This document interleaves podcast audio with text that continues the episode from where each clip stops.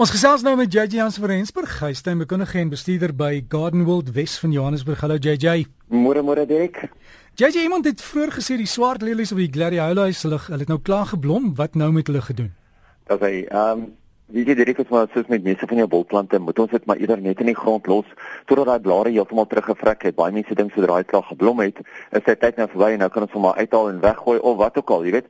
Maar nee, oor die algemeen kan jy net daarso los dat hy net terugvrek tot in die grond en dan kan jy nou besluit, gaan ek hom nou uithaal of gaan ek hom net daar los? Nou ek weet baie mense sal sê nee, maar ons het dit al die jare het ons dit uitgehaal, hoekom sou ek dit nou nie uithaal nie?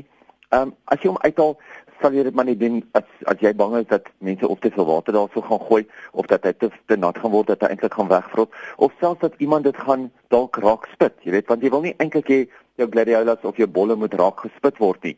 Veral as hulle onder die grond is en in 'n rusperiode is, dan dan gaan hulle natuurlik seer kry.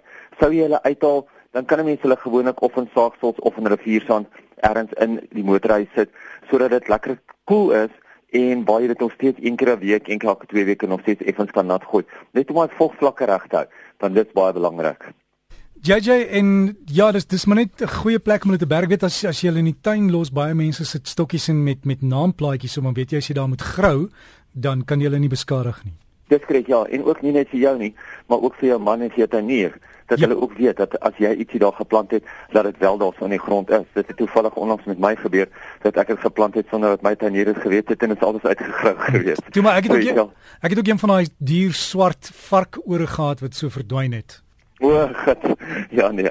Ongelukkig gebeur dit. Ja, JJ hierdie tyd van die jaar, ons kom terug van vakansie, uh, dis droog, sekere dele van die land steeds ander plekke lekker reën gehad.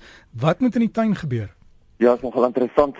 Jy weet jy het nou net gepraat van lang gras wat nou oral staan en dit is interessant hoe sterk die son eintlik deesdae is dat hy eintlik die gras net doodbrand. En veral as jy nou gaan en jou gras was baie lank gewees en jy gaan en jy sny hom baie kort, gaan die son hom ongelukkig brand. So mens moet maar seker maak dat as mense hom gaan sny, dat 'n mens genoeg water kan gee na die tyd sodat die son nie daai gras en daai grashalmpies wat nie gewoond is aan die son eintlik heeltemal wegbrand nie. Want selfs wees dat die gras wat gewoond is aan die son sukkel klaar soos dit is. En nou kan jy net dink daai ligter groen en wit gedeeltes ondertoe hoe dit gaan brand in die son. So maak maar seker dat as jy hom sny probeer om hom eerder twee keer te sny. Probeer om hom net so halfpad te sny gooi maar goed water en 2 of 3 later 2 of 3 dae later kan jy hom korter sny. So gepraat van reën natuurlik sien ons nou die belangrikheid van die reën en hoe belangrike kosbare item dit eintlik vir ons is hoe kosbare bron dit vir ons is. En dit is nogal heel interessant as mense nou kyk, maak nie saak hoe gereeld mense met die tuinslang kan nat gooi nie. Die reën bring net so groot verskil in jou tuin en dit is net soveel anders. Jou groei soveel anders, jou plante reageer tot die reënwater soveel beter. En dank Vader, ons het 'n bietjie reën gehad hier in Johannesburg gisterand. Ek weet nie van die res van die land nie, want die res van die land en selfs Johannesburg self Gauteng was hierdie week so so warm geweest dat ek dink nie enigiemand het geweet uh wat hierdie bloedige hitte aan ons en aan ons plante kan doen nie. Ek meen jy het nou gehoor self gister was daar so glo 9 mense wat gesterf het as gevolg van die hitte uitputting. En nou moet ons dan dink dat ons plante staan elke dag heeldag buite en dit moet al hierdie verskillende elemente moet die plante kan absorbeer en in energie omsit. En natuurlik dit is hoekom daar so baie plante eintlik nou deesdae is wat brandskade opdoen. Nou kom 'n mens by die brandskade nou wonder mens wat moet 'n mens daarmee doen? Moet 'n mens dit al begin terugsny? Moet jy skoon sny? Wat moet jy doen? Wie ek wil sê ja, so graag as wat mense dit wil skoon sny, moet 'n mens dalk maar eers 'n klein bietjie daarmee wag. Want onthou daai blare wat bo-op is wat wel gebrand het, gaan nog steeds vir baie van jou ander plant, baie van die ander blare, baie van die stamme gaan dit beskerming bied. En dit is ook die groot rede hoekom as ons hierdie jaar soos ons gewoonlik met ons midsomers roos snoei. As ons dit nou gaan terugsny, as ons nou ons rose gaan terugsny, moet ons ook nie al die daar al die blare afbreek nie. Want hierdie jaar dink ek gaan dit gaan die son eintlik die stammetjies brand. So ja, reggeraai, hierdie tyd van jaar moet ons nou vir ons rose daai midsomers snoei gee en dit is nou waar ons ons plante so plus minus 'n derde sou terugsny.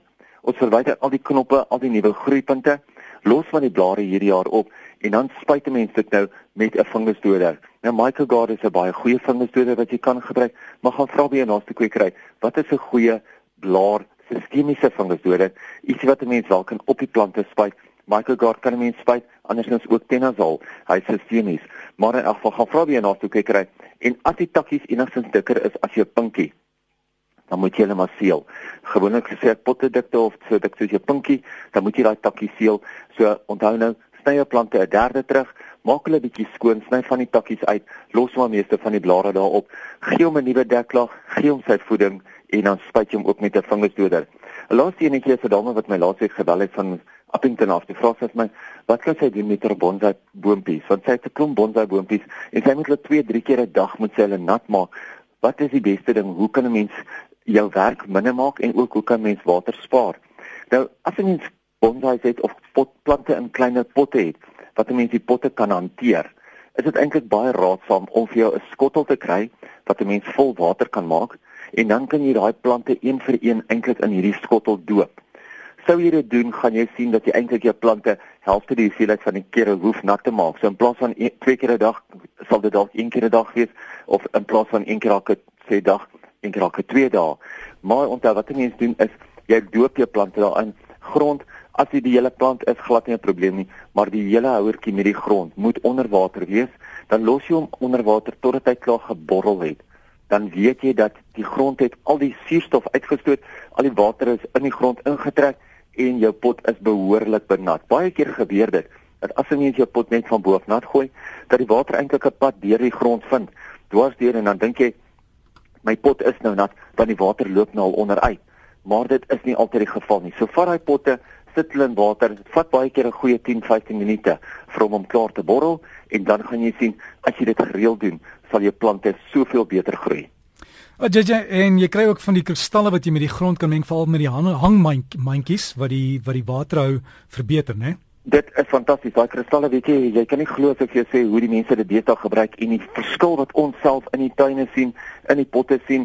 Ek meen ons het nou onlangs het ons 'n tuin in Mafeking gedoen. En jy kan nie glo as jy kyk na Mafeking se, dit is altyd so 4 of 5 grade warmer as in Pretoria. En die die die, die plante floreer, die die grond hou baie water terug. Dit is nou regtig wonderproduk daai om te gebruik. Net voordat ek gaan wil ek net vinnig vir almal sê wat wel ek vandag in die Britse omgewing is en dalk van Margaret Roberts wil gaan kuier. Sy het vandag hier 'n oop dag daar en sy het 'n praatjie wat sy 12 uur se kant gaan vir jou leer hoe om jou liggaam te detox.